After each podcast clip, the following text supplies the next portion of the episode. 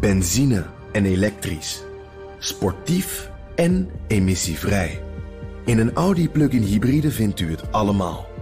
Ervaar de A6, Q5, Q7 en Q8 standaard met quattro vierwielaandrijving. Wat u ook zoekt, u vindt het in een Audi. Audi. Voorsprong door techniek.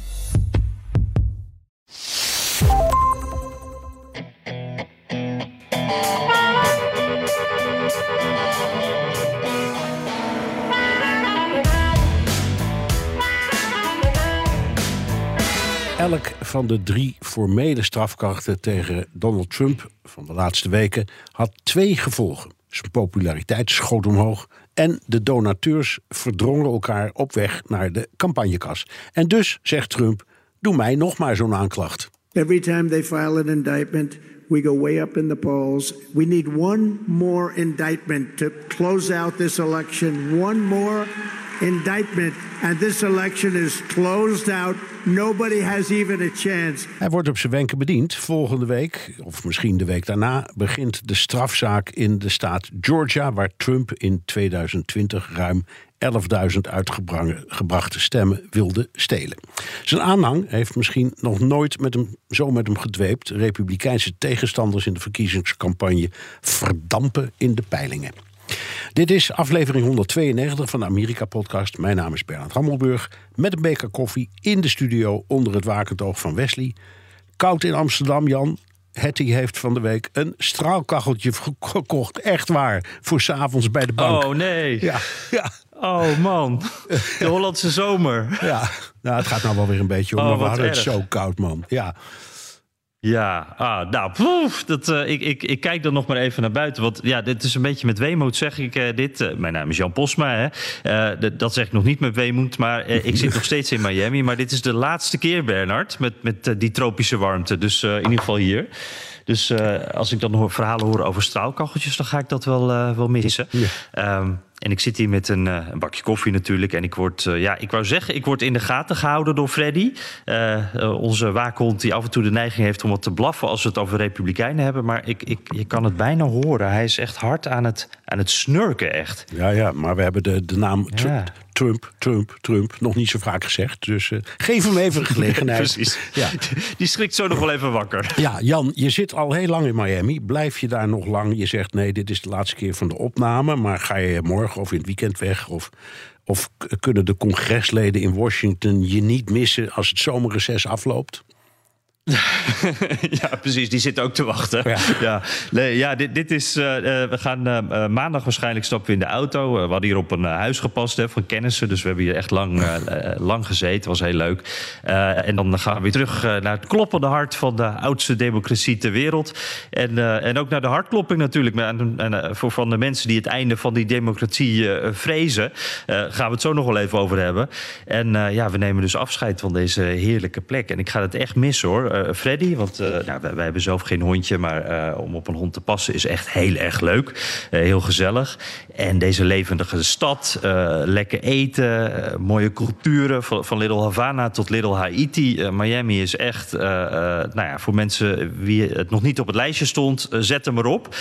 Ehm, en eh, wa- wat ik nog even met je wil delen. We hebben op de valreep nog even wat toeristische dingen gedaan. Eh, we, hebben een rondvaart gemaakt langs eh, die eilandjes voor de kust hier. Langs die villa's van, van de allerrijkste inwoners van Miami. Dat zijn van die kleine eilandjes helemaal volgebouwd met, met wat oudere villa's. Soms uit tot aan de jaren 30 aan toe begreep ik. Tot hele nieuwe, van, van die glazen, ja, soort aquaria zijn dat. Met veel beton en, en glas. En, en daar wonen dan Shaquille O'Neal, de basketballer, de Beckhams. eh, het oude huis van Frank Sinatra staat daar. Eh, Ivanka Trump en Jared Kushner, de schoonzoon eh, van Trump, die zitten daar ook ergens op zo'n eiland. En er vielen me daar eh, twee dingen op. Want het ze ligt daar allemaal fantastisch aan het water. Eh, ze bouwen nog steeds door, dat viel me op. En de nieuwere huizen hebben vaak een wat hogere kade. En dan zie je dat, dat de oudere huizen die liggen soms zelfs nog een klein beetje naar beneden.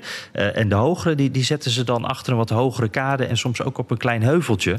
Ehm, en, en ja, dit is echt als je hier bent, dan, dan zie je dat ook meteen, valt dat meteen op dat Miami eigenlijk bijna in het water is gebouwd. Die, die dure huizen, maar ook de hoge wolkenkrabbers, die staan echt heel dicht bij de waterlijn. Er zit niets voor. En uh, ja, dat water wordt niet lager natuurlijk. Dus de afgelopen maanden was hier veel opschudding. Want uh, verzekeringsmaatschappijen willen dit niet meer verzekeren. Dus als inwoner van Miami, als je dus zo'n dure villa hebt, dan heb je echt een probleem. En, en ja, die dure villa's, die gaan dus als eerste, Bernard. Ja, ja, ja. Ik, ik weet precies. Ik ben daar ook. Heb diezelfde sorry, uh, rondvaart ook wel eens gedaan. Ook trouwens in Fort Lauderdale, daar heb je bijna, dat, is, dat heeft echt grachten ook. Hè. Dat lijkt uh, is heel herkenbaar. Mm. En, daar, en, daar, zie je dat ook. En dan bij elk van die villa's ligt meestal ook een jacht of een mooie boot. Uh, dat vind ik dan ook altijd mm -hmm. heel, apart. Maar het, het probleem inderdaad is, uh, en ik heb dat ook uit andere kringen gehoord en ook over gelezen, dat. Um, uh, jij zit daar in een, in een, um, in een wervelstormgebied, hè? Uh, en daar kun ja, je, daar ja. kun je zeker met, als je zoveel geld hebt en zo'n dure villa, daar kun je tegen verzekeren. Maar wat er tegenwoordig steeds vaker gebeurt, is dat na een uh, wervelstorm of tijdens een wervelstorm zo'n uh, zo'n soort tsunami over dat land uitkomt. En dan zeggen de verzekeringsmaatschappijen: ja, sorry, dat vergoeden we niet, want deze verzekering is niet, gaat niet over wateroverlast. Wat natuurlijk -hmm. krankzinnig is, want het is gewoon één en hetzelfde ding. En ik, ik hoorde van iemand dat er nu ook processen overlopen tegen, um, tegen de uh, verzekeringsmaatschappijen. Maar het is, het, het is bizar. Um, en ik dacht ook, ja, als ik jou zo hoor. En ook de, de namen hoor noemen van de mensen die daar, daar zitten, ja, die. Um, die uh, ik zal maar zeggen, die, die kijken niet op een, op een paar tientjes hè, als ze schade hebben.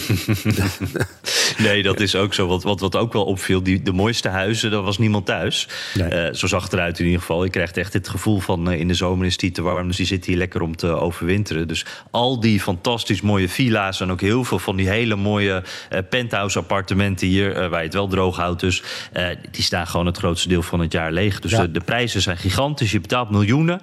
Um, en dat wordt, en, en het, maar het wordt ook dus steeds lastiger om dit vol te houden. Want ja. dit is gewoon een plek.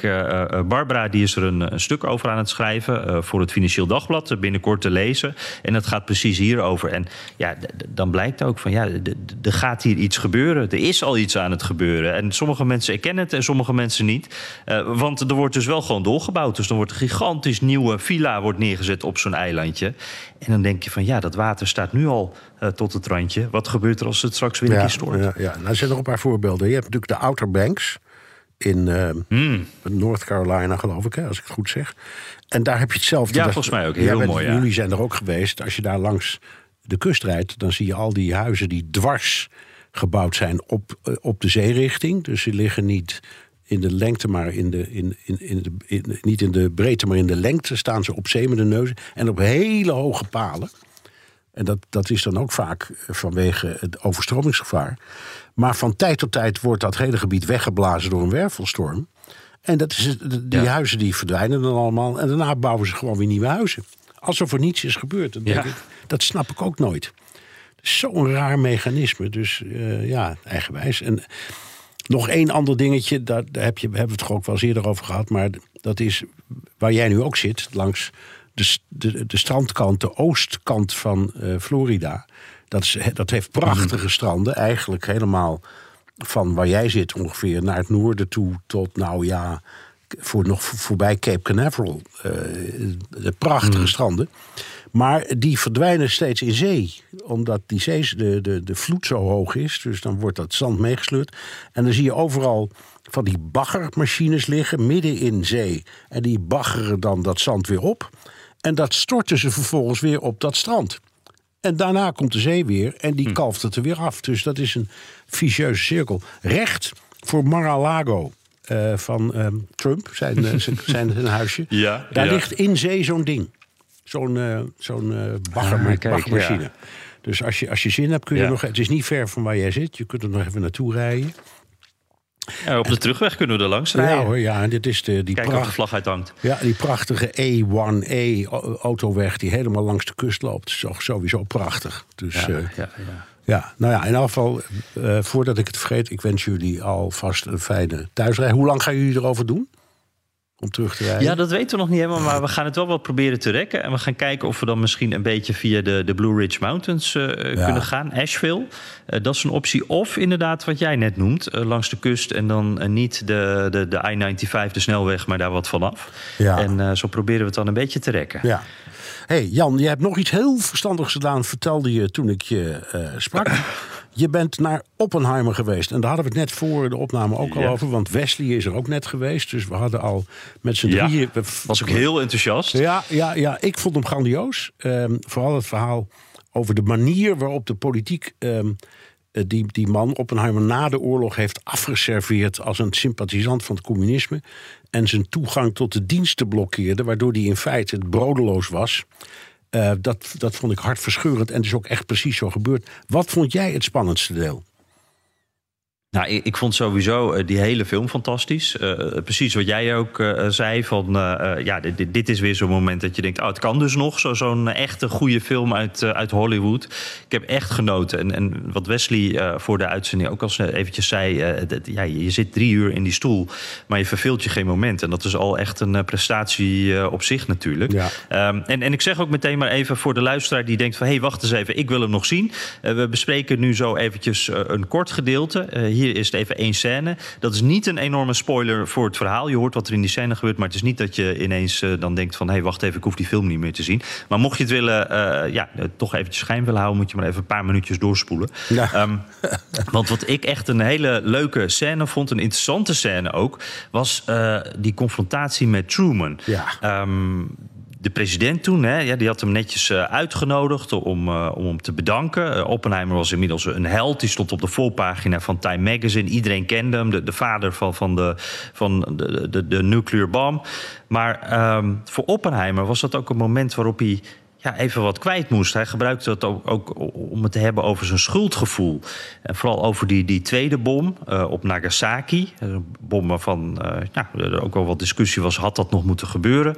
En, en Truman, ja, die, die reageerde verbaasd. Die, die wist niet wat hij hoorde. En die zei toen...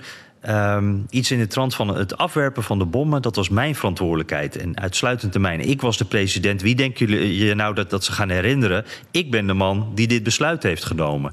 En um, ja, die, Oppenheimer die, die, is er in die film ook, ook af en toe een beetje uh, wat, van de wereld, zeg maar. Die, die is af en toe een beetje uh, in zijn eigen gedachten verzonken. En dit is ook zo'n moment dat er even geen contact is tussen de twee mensen. Uh, hij wordt door medewerker het Oval Office uitgezet. En dan hoor je Truman nog zeggen, volgens mij noemt hij hem een crybaby. Die crybaby komt er nooit meer in.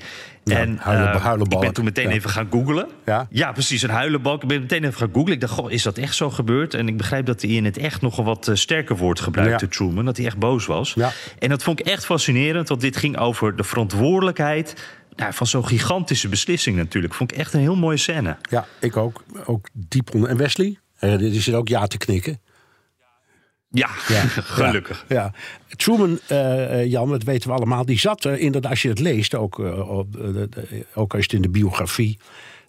David McCullough heeft een prachtige biografie geschreven over Truman. Dan kun je dit verhaal ook lezen. Truman zat er wel degelijk mee. Hè, met, in de eerste plaats omdat hij pas in april, dus net daarvoor, toen de president Roosevelt overleed uh, hij voor het eerst pas over dat Manhattan-project hoorde. Dus de hele periode dat hij vicepresident was, wist hij van niks, nooit op de hoogte gebracht. Had nog nooit gehoord van Los Alamos, hè, de, de basis waar ze eh, de bom hebben gebouwd en waar ze ook allemaal woonden met hun gezinnen.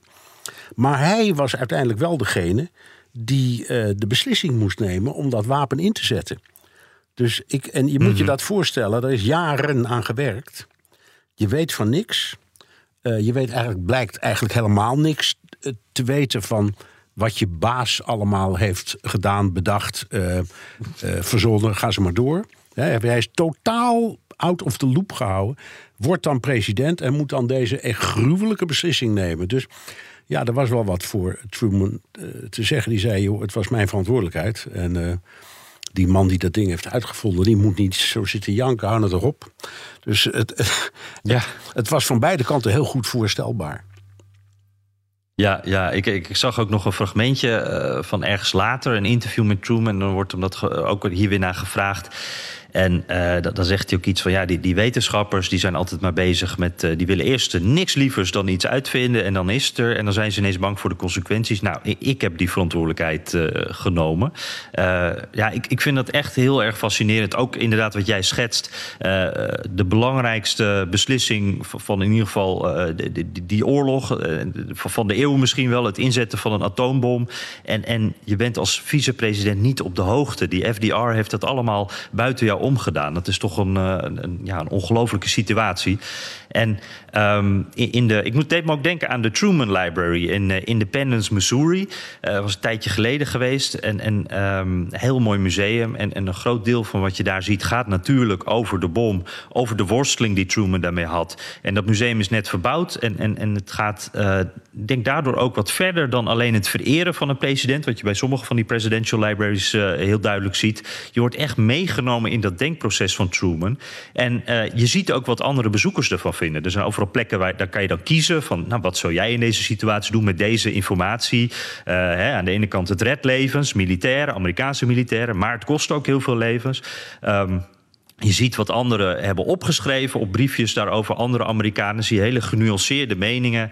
Uh, en soms ook helemaal niet. Uh, en ik, ja, ik vond dat echt heel interessant. En, en uh, daar moest ik aan denken toen ik dit ook zag. Toen ik deze scène ook zag. Het is een beetje on-Amerikaans, heb ik soms het gevoel... om vraagtekens te, te, zetten bij je eigen geschiedenis. Maar dit was echt een heel mooi en ja, interessante plek... om dus ja, mee te gaan eigenlijk in dat denkproces. Die verantwoordelijkheid. Ja klopt. En uh, trouwens, als je komt in uh, Hiroshima of, of, Nagasaki, daar zijn in allebei die steden prachtige tentoonstellingen en monumenten. Um, en ik ben daar een paar keer wezen kijken. Uh, dat is ongelooflijk, om je een idee te geven. Er, staat bijvoorbeeld een. een, een je ziet een foto op een muur. En die foto is van een man die op een ladder staat. En dat blijkt, hmm. als, je, nou ja, als, je, als je leest wat er aan de hand is, dat is dus een afdruk van het lichaam en die trap, die zijn verdampt tegen die muur. Dus het is een, een soort schaduw die in die muur staat. Nou, als je dat ziet, dan begrijp je wat zo'n bom betekent. Hè? Um, ja, en, en, daar, en daar in Japan, in, bij, die, bij die monumenten, ja, daar is het thema: uh, wij Japanners zijn oorlogsslachtoffers. Um, hm. En, uh, de, dat, dat, en Truman, ik ben ervan overtuigd dat dat ook in die tentoonstelling in de, de library wel duidelijk wordt. Die, die had dat voor zijn eigen gevoel ook al een beetje in de gaten. Van ja, dat wordt zo'n enorm offer. Uh, wat die mensen mm moeten brengen. Uh, aan de andere kant, ja, je weet, ze wilden zich niet overgeven. Hè, want de, de oorlog was al in, in, in mei afgelopen. Uh, en in augustus hadden de. En, en in, in die periode is Tokio enorm gebombardeerd met zo ouderwetse, wat toen, toen heette bandbommen, wij, maar gewone bommen. En de schade in Tokio was veel groter dan uiteindelijk dan bijvoorbeeld in Hiroshima. Dus er was al enorm gebombardeerd, maar de Japanners die weigerden zich over te geven. Dus dat was voor hem dan ook, laat maar zeggen, strategisch de beslissing die hij moest nemen. Maak ik er op deze manier een eind aan? Nou, toen is op 6 augustus ja. die eerste bom geworpen. En toen kwam er nog steeds geen woord uit Tokio over overgave of wat dan ook. En toen hebben ze die tweede gegooid, op 9 augustus. En toen kwam er aanvankelijk ook niks aan reactie. Dat, die kwam pas op de 13e of de 14e. En pas op de 15e is de capitulatie getekend. Dus zelfs toen heeft het nog een tijd geduurd. Het is een onvoorstelbaar eh, spectaculaire geschiedenis, dit. Ja, het, uh, en, en ook de hele geopolitieke implicaties en hoe daarover werd nagedacht. Uh, Koude Oorlog, het begin daarvan, uh, supergoed in die film neergezet, vind ik. Wat ik trouwens bizar vind, um, die Enola Gay, hè, dat, dat vliegtuig dat die bom heeft afgegooid die uh, hangt, uh, of die staat in het Air and Space eh, Museum in Washington. Je hebt twee edities van dat museum, of twee locaties. Eentje aan de Mall, die is wat kleiner. ook een mooie plek om heen te gaan. En eentje net buiten de stad bij het vliegveld in de buurt. En daar staan echt alle grote vliegtuigen. ook, ook SR-71's en, en het vliegtuig waarmee voor het eerst voor de, door de, de, de, de, door de geluidsbarrière is gegaan. Echt allemaal ja, echt super allemaal. Een waanzinnig museum ook. Maar die Enola Gay die staat daar dus tussen die andere vliegtuigen. Met wel een bordje erbij natuurlijk. Maar ik vond dat zo'n uh, ja, apart iets dat dat dan uh, ja, tussen recordbrekers en daar staat dan dit vliegtuig tussen. Wat, wat natuurlijk zo'n uh, ja, extreme rol heeft gespeeld in de geschiedenis. Ja, uh, Inola B was volgens mij de moeder, de naam van de moeder van Paul Warfield Tibbets. Dat was de piloot van die B-29 waar jij het over hebt. Dus ja, die had het toestel mhm. naar zijn moeder genoemd, of in al van een familielid. Ook apart. Nou, dat zal je maar gebeuren. Ja, die, en die man, die man is, ook ja, die is ook vele malen geïnterviewd. Ook over de vraag van, heb je daar geen spijt van? Zei hij, nee hoor. Die was er heel makkelijk over. Ja. Nee hoor, ik, heb dat, uh, ik had het bevel. En, uh, ik, en, wij, en, wij, en wij hem uitgevoerd, ja. Ja, nou, ja, ja. nou kijk, um, goed, aanraden dus, hè? Vooral kijken. Gewoon kijken, ja. En wat ik ook fantastisch vond, was de ambiance. Um, ze zullen niet hebben gefilmd in het Oval Office, neem ik aan, voor uh, deze film. Maar ik had het gevoel dat de makers zo ongeveer overal op de oorspronkelijke plekken waren. En dat vond ik fantastisch. Ja, ja, dat vond ik ook. Het waren echt, uh, de, de, plaatjes waren fantastisch. Um, we hadden vorige week ook een uh, luisteraarsvraag uh, daarover. Hè, van Jeroen Huisens, vriend van de show. die hebben we al vaker gehoord. Die maakt zelf ook een podcast over filmlocaties. fantastische filmlocaties heet die podcast. Erg leuk. soms is het een plek, soms is het een film. maar het is altijd leuk om naar te luisteren. en ik had er nog even contact met hem over. Um, dat kwam namelijk, want hij was volgens mij ook de, de eerste die ons in de podcast wees... dat dat eh, deze, uh, erop wees dat deze film eraan zat te komen, ja, Oppenheimer. Ik moet eerlijk zeggen dat ik toen nog niet van gehoord had. Ja, en uh, hij zei meteen van, ah, ik ben heel benieuwd wat jullie van vinden. Hij stuurde die trailer toen mee, uh, die ook heel mooi wat, was. Um, en uh, Jeroen die heeft een paar uh, uh, leuke feitjes verzameld over die locaties. Um, hij zegt de scène waarin Oppenheimer en Einstein elkaar ontmoeten. je weet wel, aan de rand van een vijver. Die is echt gefilmd op het terrein van het Princeton, Princeton Institute for Advanced Study... tussen New York en Philadelphia. De plek waar de heren elkaar ook in het echt hebben ontmoet. ook een mooie scène vond ja, ik dat. Ja, een beetje ja. de oudere generatie met de nieuwere. Nou ja, en de enige, um, de enige... Kijk, het verwijt was dat zonder de theorieën van Einstein Oppenheimer dit nooit had kunnen doen. Dus hij, hij dat was een hm, soort van. Ja, eh, ja het, ze zaten als het ware aan elkaar geklonken. Dus ik kan me ook best voorstellen hm. dat hij ook voor zijn geweten. Uh, contact hield met, met Einstein. Wat hij zijn hele leven heeft gehouden trouwens. Ja. Hm. Ja, uh, hij noemt ook uh, Los Alamos, uh, wat je ook al noemde. dat is allemaal nagebouwd in Ghost Ranch, net ten noorden van Santa Fe in New Mexico. Los Alamos zelf kon niet meer worden gebruikt omdat het te veel is veranderd. Maar dat wil niet zeggen dat er niet is gefilmd. De scène waarin Oppenheimer thuiskomt en zijn vrouw begrijpt dat de test doorgaat. Dat werd gefilmd in de tuin van het huis waar Robert Oppenheimer echt heeft gewoond. dat is wel een mooie gedachte dat dat de echte plek was. Ja. En hij, hij zegt, uh, ik herkende in de film ook het bekende hotel The Biltmore. Ja, dat, uh, dat is een mooi chic hotel in Los chic, Angeles. Ja. de scène waarin, ja, jij waarin... en ik wel eens langs gelopen, zullen we maar zeggen. Hè?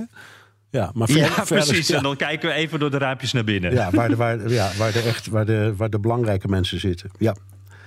Ja, ja, ja, en hij zegt uh, de scène waarin Oppenheimer wordt gevraagd de petitie te ondertekenen, is daar uh, gefilmd over de Biltmore Hotel in LA. Gaat mijn volgende aflevering, omdat er zoveel films en series zijn opgenomen. Dus ja. dat is gelijk een tip voor uh, fantastische filmlocaties. Geweldig, Jeroen. Dank. blijf naar deze podcast luisteren, want we komen nog even bij je terug. Cliffhanger. Cliffhanger. Ja, uh, hey, en dan moeten we even een sprongetje maken naar het, uh, het heden. Want uh, we zijn, toen, toen, we net starten, vlak voor de start, zeiden we al van... oh, hier kunnen we wel een uur over praten. Nou, dat is wel gebleken. Maar we moeten ook eventjes hebben over het nu. Want um, er gebeurt zoveel. Eerst die, die nasleep van de aanklachten tegen Trump. Er zijn nu uh, drie strafzaken. Ik zet maar weer eventjes op een rijtje, want af en toe dan zie je door de boom het bos niet meer. We hadden natuurlijk dat uh, achteroverdrukken van de staatsgeheimen, het, saboteren van de verkiezingsuitslag en de bestorming van het kapitool. Dat is waar we het deze week veel over gehad hebben. Daarvoor was er nog dat uh, zwijgeld voor Stormy Daniels, de, de, de kleinste strafzaak in het geheel. en dan heb je de belastingzaak in New York nog, de verkrachting van een New Yorkse schrijfster. Uh, daar was ook weer van alles om te doen deze week. Een beetje in de schaduw uh, van het andere nieuws. En dat is dan allemaal weer onderverdeeld in uh, andere stukken. En dat, ja, dan hebben we waarschijnlijk ook nog uh, volgende week. Uh, dat wordt nu gezegd. Van volgende week gaat dat beginnen, maar het zou ook nog de week daarna kunnen worden. Wij weten het ook niet. Dan een vierde strafzaak in Georgia, waar Trump heeft geprobeerd om die uh, ruim 11.000 stemmen te stelen. Want dat is het eigenlijk, dat telefoongesprekje hè, met Ravensburger. de Washington Post heeft becijferd dat er in totaal 78 aanklachten tegen Trump lopen en hij geniet ervan. Tenminste, uh, als ik hem zo hoorde aan het begin van de podcast, Bernard. Is, uh, is dat zo? Geniet hij ervan? Of is dit gewoon een briljante acteur en bluft hij zich er doorheen? Ja, ik, ik denk dat laatste. Uh, en ik denk ook, je kan heel veel van Donald Trump zeggen, maar hij is niet bang. Hij is echt een, een nou ja, we zeggen wel eens een straatvechter, maar dat is hij ook echt. Ehm, dus als iedereen uh, roept, je hebt, je hebt, dat en dat en dat en allemaal misdreven, dan, is, dan zal hij de neiging hebben om te zeggen: Nou, en moest kijken wat jullie allemaal misdrijven, is veel erger. Dus hij, hij, hij, heeft een. Nou, ik vind dat vaak briljant. Um, en we hoorden hem ook aan het begin van de podcast al roepen: Doe mij nog maar een aanklacht. Want wat zien we? Uh, de peilingen vliegen omhoog. Um, en dan moet je, naar, denk ik, naar twee soorten peilingen kijken. Hoe hij het in zijn eigen partij doet tegen zijn tegenstanders, zijn rivalen bij de voorverkiezingen. En hoe hij er landelijk voor staat in de verwachte eindstrijd met Biden. Ja, ja en uh, ja, dan zie je twee dingen, of je ziet een paar dingen eigenlijk. Uh, um, hij, is, uh, hij heeft eigenlijk de, de concurrentie in zijn eigen partij helemaal weggeblazen.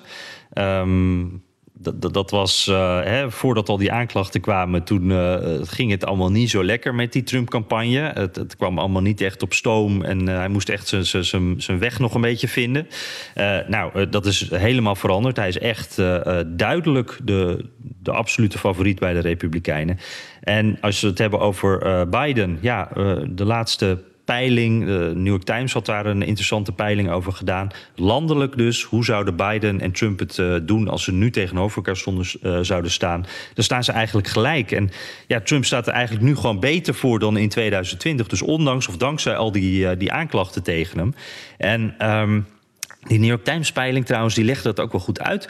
Uh, die, zegt van ja, op dit moment is die harde kern van Trump ongeveer 37% van de Republikeinse kiezers. En als je in dat deel van de kiezers kijkt, daar gelooft vrijwel niemand dat Trump wat verkeerd heeft gedaan. Daar is echt geen twijfel aan hem. En ja, als jij niet gelooft uh, dat hij uh, de, de, de, verkiezingsuitslag heeft proberen terug te draaien, ja, dan is er ook echt geen probleem natuurlijk. Dan kan je gewoon achter hem blijven staan. Um, en als je kijkt naar ook hoe de andere kandidaten doet bij de Republikein, doen bij de Republikeinen, ja, het, het, het, daar komt het dus echt allemaal niet van de grond. Uh, de nummer twee, Ron DeSantis, die, uh, nou ja, we hadden het over uh, de, de, zeespiegel die uh, aan het stijgen is hier rond Miami. Die DeSantis, het, het water staat hem aan de lippen, denk ik, qua campagne. Hij, hij, heeft zijn campagnemanager ontslagen. Hij is al een maand met een soort reset van zijn campagne bezig. maar ja, ik, ik, dat sowieso trouwens ook. Dan ben je, ik, mij is altijd uitgelegd, joh, als je dat doet, doe het snel. Snel die pleister eraf. DeSantis blijft maar doorgaan. Het blijft maar doordruppelen. Lijkt me ook helemaal niet goed voor de, de, het gevoel binnen die campagne. En het is allemaal slecht nieuws over hem. Um, en, en je ziet gewoon dat, dat het bij hem niet echt werkt. Zijn verhaal komt niet van de, van de grond. De kiezers, uh, die, die, die, die, ja, die hoeven hem gewoon niet, die Republikeinse kiezers. Dat verhaal van die Trump light zijn, dat, dat werkt gewoon niet. Nee. En wij, wij ons ook een beetje ja. op verkeken. Hè? Niet dat wij dachten dat hij van Trump zou winnen, ja. maar wel dat hij hoger zou komen dan nu.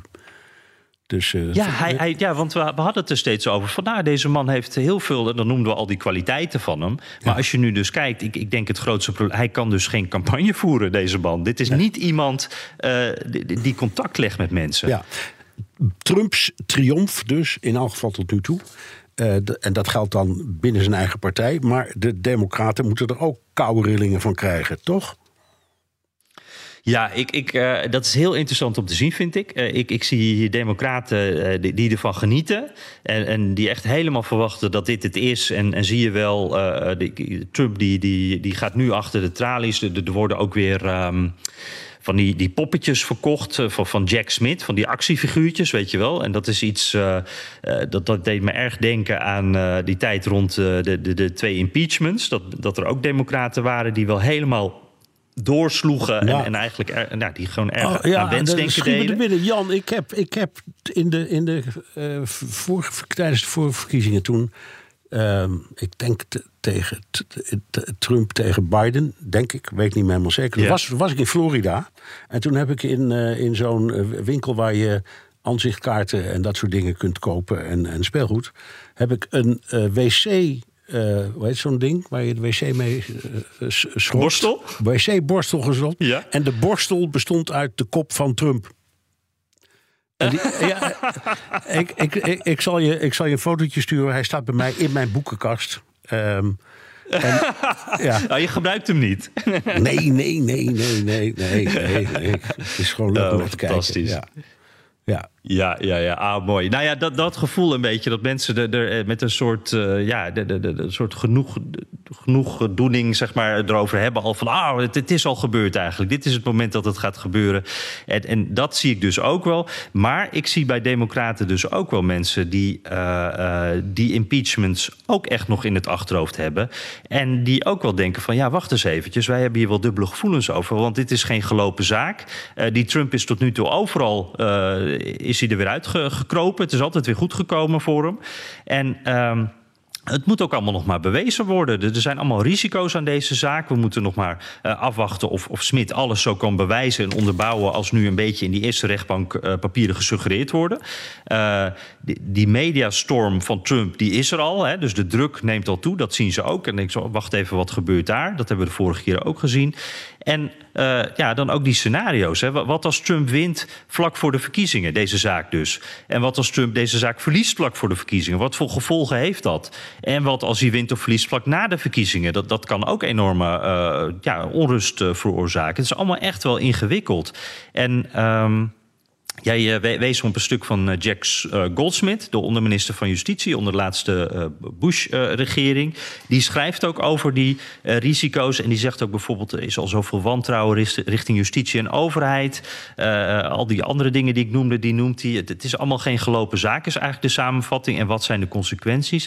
Um, nou, daar wordt ook wel over nagedacht hoor. Daar staat natuurlijk wel tegenover dat niemand boven de wet staat. Nee, dat is waar. Maar, die, die, die dat is de afweging. maar Jack Goldsmith die schrijft in dat stuk ook over, over de timing. Heel veel mensen zeggen de timing in dit hele verhaal klopt niet. Eh, Trump mhm. werd al door de regering Obama onderzocht toen hij zich kandidaat stelde in een poging om Trump te blokkeren toen. Hè? Um, dus mm dus de, hij was nog niet eens begonnen of er was een onderzoek. Biden is ruim twee jaar president en de regering Biden komt nu eigenlijk pas los met uh, het onderzoek tegen Trump. Dat had veel eerder kunnen gebeuren, veel eerder kunnen starten. En dus zegt, mhm. zegt eh, Goldsmith terecht, er zijn heel veel mensen die zeggen: ja, dat deugt niet. Uh, dit is, hier is, hier is, uh, er wordt op verschillende manieren ge, ja, gewerkt. En mm het is duidelijk dat, dat dit onderdeel is van de campagne van Biden tegen Trump. Althans, heel veel mensen zullen dat zo zien. Ja. Ja, die schijn die, die hebben ze tegen zich. Dat, dat is een van de punten van Goldsmith inderdaad. Van ja, dit, dit, dit lijkt allemaal ook al is het allemaal wel netjes volgens, uh, de, de, de, volgens de regeltjes gegaan. Het lijkt op wat anders en dat is het probleem. Maar ik moet ook wel zeggen, Bernd, want ik, ik inderdaad, je zou willen dat ze veel eerder uh, waren begonnen. om die schijn inderdaad niet tegen te hebben. Maar tegelijkertijd denk ik dan ook, ja, zo'n onderzoek dat gaat ook niet vanzelf natuurlijk. Daar hebben ze ook wel wat tijd voor nodig, snap ik ook wel weer. En ja, Trump die heeft natuurlijk, die is eigenlijk altijd aan het campagne voeren. Dus je zou ook kunnen zeggen het maakt eigenlijk bijna niet zoveel uit. Nee, dat is, nee, die campagne is nooit gestopt. Ja, ja, ja. even nog een dingetje, eh, want dat wordt misschien apart een zaak. Ehm, Trump heeft in een reactie op de aanklacht van Jack Smith, de aanklachten, gezegd: een gedreigd, als je achter mij aan zit, dan kom ik achter jou aan. En dat, uh, dat werd, werd, gezien als een, als een dreigement. En het is misschien ook een overtreding of een Hè, dreigen mag niet, ook, ook niet met uh, ook geen aanklagers. Dus heb je dan nog iets van, wordt dat, wordt dat nog een, wordt dat de 79ste rechtszaak? nou, het wordt uh, de zoveelste. Ja, het, het, het is, uh, als wij opnemen, dan weten we het nog niet. Maar uh, um, als wij, wij nemen het op donderdag op. En morgen is er een hoorzitting waarop beide partijen dan onder leiding van de rechter hierover gaan praten van hoe ver uh, mag Trump gaan in het communiceren over deze rechtszaak. Wat mag hij wel zeggen, wat mag hij niet zeggen. En daar zit ook dit uh, nadrukkelijk uh, bij, want dit berichtje dat is door Jack Smith's team is dat ook nadrukkelijk genoemd. Um, En ja, ik, ik vond het interessant om, om te zien, want dit is eigenlijk een beetje wat Trump altijd doet. Hè. Je ziet dit, dit was een berichtje op de Truth Social. als je achter mij aan zit, kom ik achter jou aan. dat kwam kort nadat er veel nieuws was over die nieuwe aanklacht tegen hem. Dus iedereen denkt dan meteen: hey, dit is een, dit is een, een, een aanval op Jack Smith, dit is een aanval op de rechter. Ehm, op getuigen, uh, Mike Pence bijvoorbeeld. En dat zijn ook allemaal mensen die hij apart ook heeft aangesproken. Of, of waar hij apart dingen over heeft gezegd. Uh, over die rechter, dat ze in de zak van Jack Smith zou zitten. Jack Smith zelf, daar, daar, die heeft hij, uh, ik weet niet meer of het nou gestoord of losgeslagen of wat dan ook. Maar ja, we kennen die woorden van Trump. Mike Pence heeft hij ook allerlei dingen over gezegd. Dus de gedachte is dan meteen, hé, hey, daar heeft hij het over. En wat zegt zijn team? Nee, dat bedoelde hij helemaal niet zo. Hij had het over zijn politieke tegenstanders in de campagne. Dus dus dit gaat over Ron DeSantis en over anderen. Van als je mij aanvalt, val ik jullie aan. En dat is eigenlijk wat Trump altijd doet. Hij doet een toch een beetje een vaag dreigement. Hij zegt niet van uh, Jack Smith, als je achter mij aan zit, kom ik achter jou aan. Dat doet hij niet. Hij zegt het in het algemeen. Iedereen denkt iets. En, en ik denk ook wel terecht. Hij stuurt ons een bepaalde kant op. En vervolgens zegt hij, ja, maar zo bedoelde ik het helemaal niet. Nee. Dus ik ben heel benieuwd wat de rechter daarmee gaat doen. Ja, en waar ik ook benieuwd ben, hebben we... En, en trouwens... Ja? ja, sorry. Ja, ik wou ook nog zeggen, want we hadden het nog even over, over Georgia ook. Hè. Ik moet daar, het schiet me ineens te binnen. Want hij is ook al begonnen met dreigementen richting de aanklager uh, in, in, Georgia. Uh, komende week of de week daarna dus. Ja, we denken komende week, maar wij weten het ook niet. Dan wordt daar weer nieuws over verwacht. Zou die zaak kunnen beginnen. En uh, Trump sorteert daar volgens mij al op voor. En, en er is al een campagnefilmpje naar buiten gekomen. En Trump heeft het in een laatste speech ook al gezegd. hij zegt dan van die aanklager niet te vertrouwen. Heeft een relatie met een bendelid gehad toen ze die, uh, dat bendelid aan het uh, vervolgen was. Nou, dat, dat verhaal klopt niet. dat is behoorlijk verdraaid. Maar hij is dus al bezig met de volgende zaak. Ja, ongelooflijk. Hè? Nou, en heb je allerlei dingen. We hebben, hm. we hebben echt geen tijd voor. Dat komt volgende keer wel weer eens misschien. we moeten het nog even hebben over Hunter Biden eigenlijk. Want de, de Republikeinen, dat, dat vind ik nog steeds.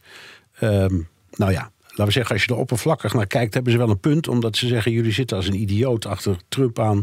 En jullie verzaken de zaak tegen Hunter Biden. Ik geloof overigens niet dat ze hem verzaken hoor. Maar dat, hmm. dat de, de, Republikeinen die indruk krijgen, nou dat snap ik helemaal. Want daar zit niet veel schot in. En er, zit, er zijn nog steeds dingen niet opgelost en niet beantwoord. En, en, dus, ja. en dus hebben de, de Republikeinen een extra wapen en, heeft, ja, en Biden komt daarmee nog zwakker te staan. Want ja, als die toch steeds wordt omgeven met de verdenking dat zijn zoon corrupt was en dat hij als toen vicepresident van die corruptie heeft meegegeten, ja, dat moet echt uit de wereld, helemaal en volledig. Mhm. Eh, en zolang dat niet gebeurt, ja, dan loopt dit allemaal ook stuk.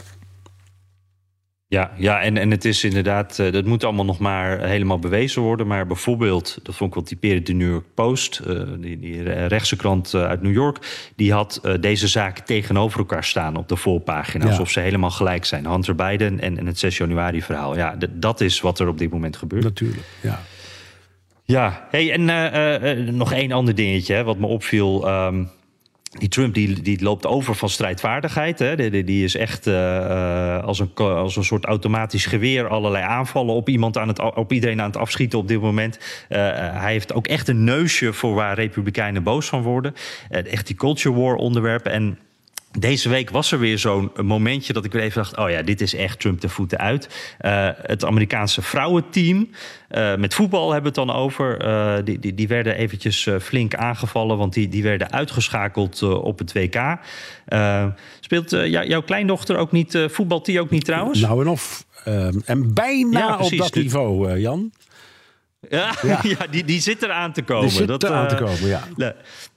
Heel goed, ja, want het, dat, uh, het is echt populair, hè, dat, dat vrouwenvoetbal. Er wordt veel naar gekeken. Uh, maar dit, dit, was dus ook echt een moment uh, dat, dat, ze dan werden uitgeschakeld. Er was echt grote teleurstelling. En die Megan Rapinoe, de held van het vorige WK, die miste een penalty. En daar was veel gemopper over bij rechts Amerika, op Fox News, op, op Breitbart, al die, die sites die je wel kent. En dat gebeurde onder aanvoering van Trump.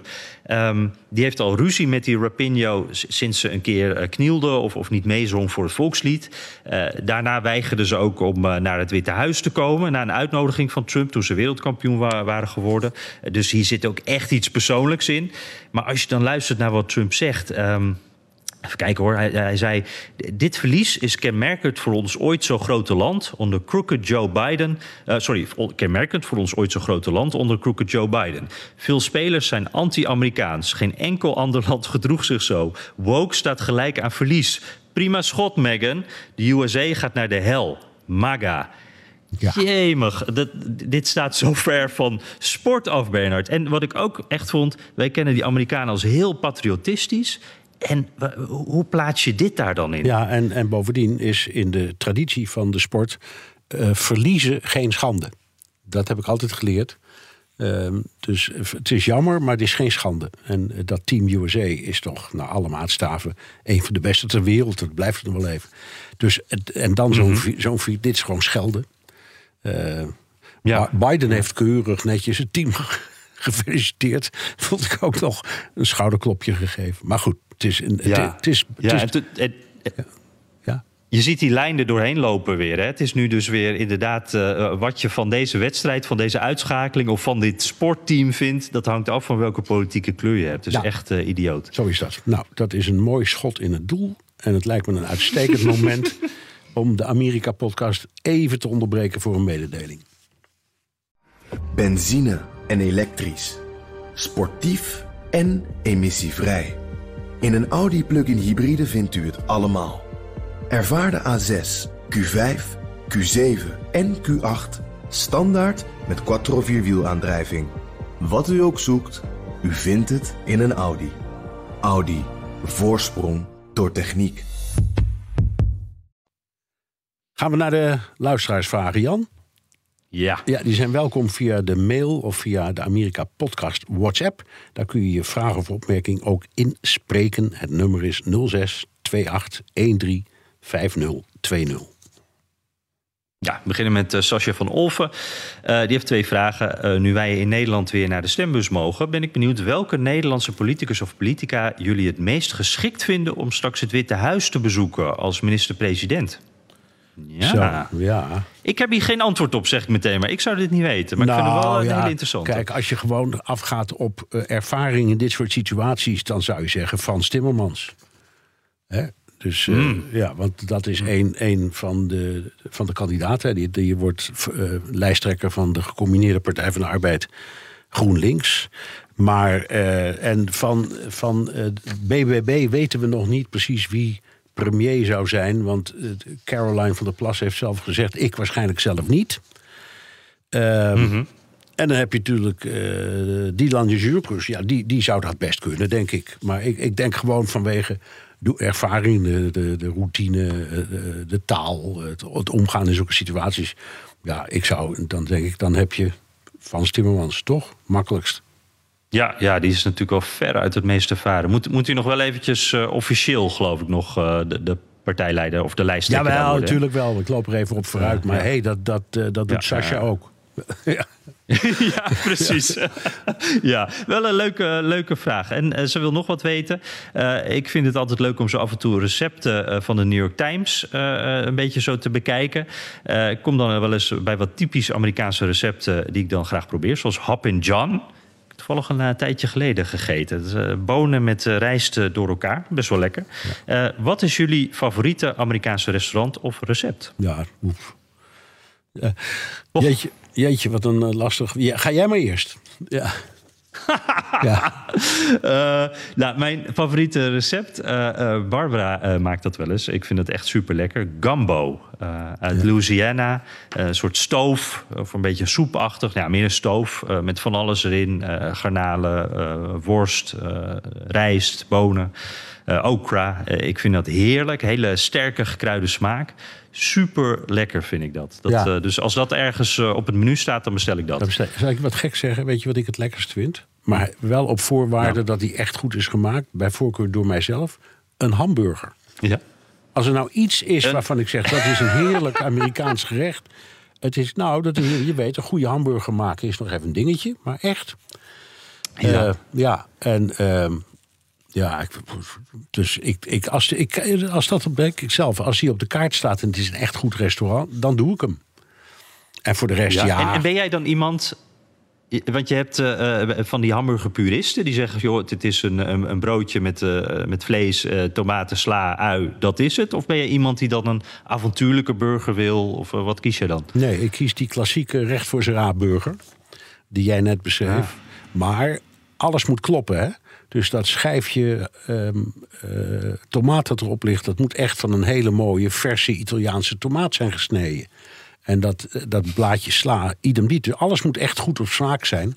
En dan is het een heerlijk gerecht. En bovendien, Jan, weet je wat zo makkelijk is? Als je kleindochters hebt, die roepen altijd ja als je zegt: zullen we een hamburger gaan eten? Hamburgers van opa. Ja, ja, zo Het, ja, Dat kan ik me voorstellen. Ja. Oh, mooi man. Nou, ik, ik vind wel uh, dat, dat, dat uh, ze gelijk heeft, uh, Sascha. Dat we, het, we moeten het wat vaker over eten hebben. Goed onderwerp. Ja.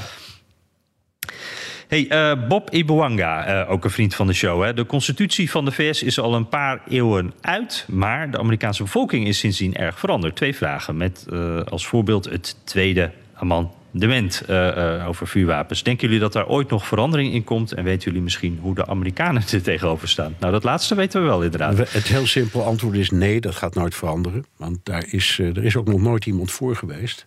Geen enkele president in de Amerikaanse geschiedenis is ooit voorstander geweest van het uh, afschaffen van het tweede element. Dus het recht op, wapen, het recht op wapens. Dat gaat ook niet gebeuren. Hmm. Dus, uh, en uh, we gaan het ook niet meemaken, Jan. Dus het enige wat misschien gebeurt. Nee, dat was de tweede vraag. Ja, ja, ja. Nee, sorry Bob. Um, gaat niet gebeuren.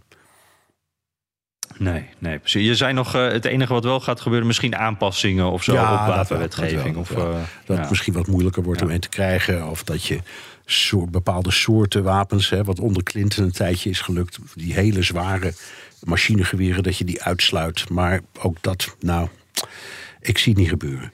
Uh, nee, die, die grondwet is heilig. Ja.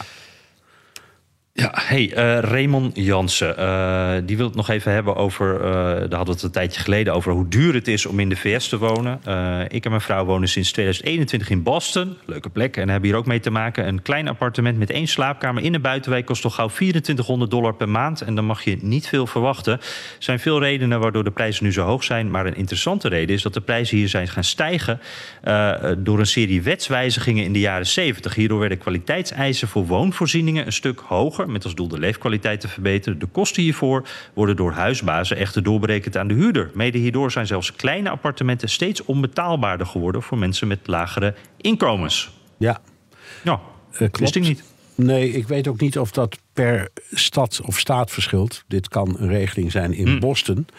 Um, in New York bij mijn weten is als je, als je huurt en de, de, en de woningen moeten worden verbeterd, gewoon een onderhoudskwestie dan wordt dat niet doorberekend in de huur. Alleen als je huurcontract verloopt en je huurt opnieuw, hè, die dingen zijn vaak maar voor twee jaar.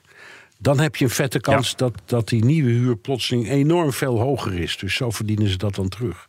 Het is inderdaad. Eh, ja. En 2400 eh, dollar, dat is vreselijk veel geld voor een buitenwijk. Maar ik weet niet hoe het bij jou is in, in Washington. Maar in New York, dan, dan kun je nog niet eens een kamer voor huren voor, dat, voor die prijs. Nee. nee. precies. In Washington is het ook vreselijk. Ik geloof in Miami is het ook vreselijk. Ik geloof wel dat New York nog steeds. Nou, New York en uh, het gebied rond uh, Silicon Valley en ja, San Francisco. San, San Francisco is duurst. Twee ja. Ja, San Francisco is duurst, want er wonen al die multimiljonairs van 27. Uh, en, die, uh, en die willen graag lekker wonen. Dat is San Francisco. Ja, gelijk hebben. Ja, ja precies. Ja. Hey, uh, ik, ik, weet niet of er alweer iemand met zijn schaatsen op de deuren staat te, te, slaan daar. Nee, maar nee, onze nee. tijd zit er eigenlijk ja, wel een zit er wel op, een beetje op. Ik heb, er staat niemand op de deur te kloppen. Ik heb Joe van Buurik straks gevraagd, want die sprak ik op de gang en die zei nee. wij, wij hebben een buitenopname, dus we doen het niet in de studio. Ah, dus, dus, okay. dus, dus, geen boze Ben van den Burg. Nee, dus onze, onze tech-vrienden die houden we voorlopig de vriend. En ze zijn, we hebben het nog een keer, Joe en Ben. We noemen, nog maar, we noemen ze in de uitzending. Vind je ook fijn. Ja, ja precies. Ja. precies. Nee, maar je moet er wel even een beetje mee, mee afronden, Bernard. Ja. Uh, deze aflevering. Ja, terugluisteren kan via de BNR site, Apple Podcast of Spotify. Heb je vragen, opmerkingen, kritiek of complimenten? Dan kan dat ook met een tweet naar Jan Postma USA of BNR De Wereld. Of heel ouderwets met een mailtje naar dewereld.bnr.nl. En je kunt je vraag ook inspreken of intikken op de Amerika Podcast WhatsApp 06 28 13 5020. Ja, en zet zoals altijd je naam en adres er even bij. Dan krijg je misschien die hele mooie mok wel. En deze week uh, mogen we er weer eentje uitreiken. Um, een echte bekerwinnaar hebben we weer. En ik weet niet, uh, Jeroen Huisens, of je nog luistert. Ja, Jeroen Huisens luistert nog wel op Bernard. Ja, hadden we gezegd die, aan het die, begin. Die luistert elke aflevering, heb ik begrepen. Luisteren, ja, ja. ja. ja.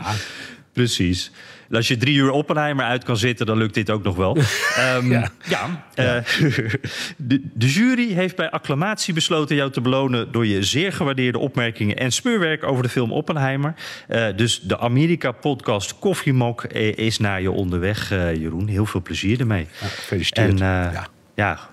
Wij hebben maar mazzel met dit soort uh, luisteraars, uh, Bernard. Dus ik zou ook zeggen, iedereen die ook eens denkt van... hé, hey, een filmtip of een andere tip, blijf ze sturen. We vinden het echt heel erg leuk als dit, binnen, als dit soort dingen binnen blijven komen. En daar kunnen we ook altijd wat mee. Um, dit is mijn laatste keer vanuit Miami. Ik zeg dit met een beetje pijn. maar volgende week zit ik... hopelijk is het daar ook nog een beetje warm. Heb ik geen straalkachel nodig. Maar dan zie ik je weer, of hoor ik je weer in Washington. En, en beloof je dan dat je achter je eettafel in Washington zit. Want zo hoort dat. Precies, dan is het weer oud en vertrouwd. En dan is het weer helemaal zoals het was. Oké. Okay. Tot, tot volgende week. Tot volgende week, Jan.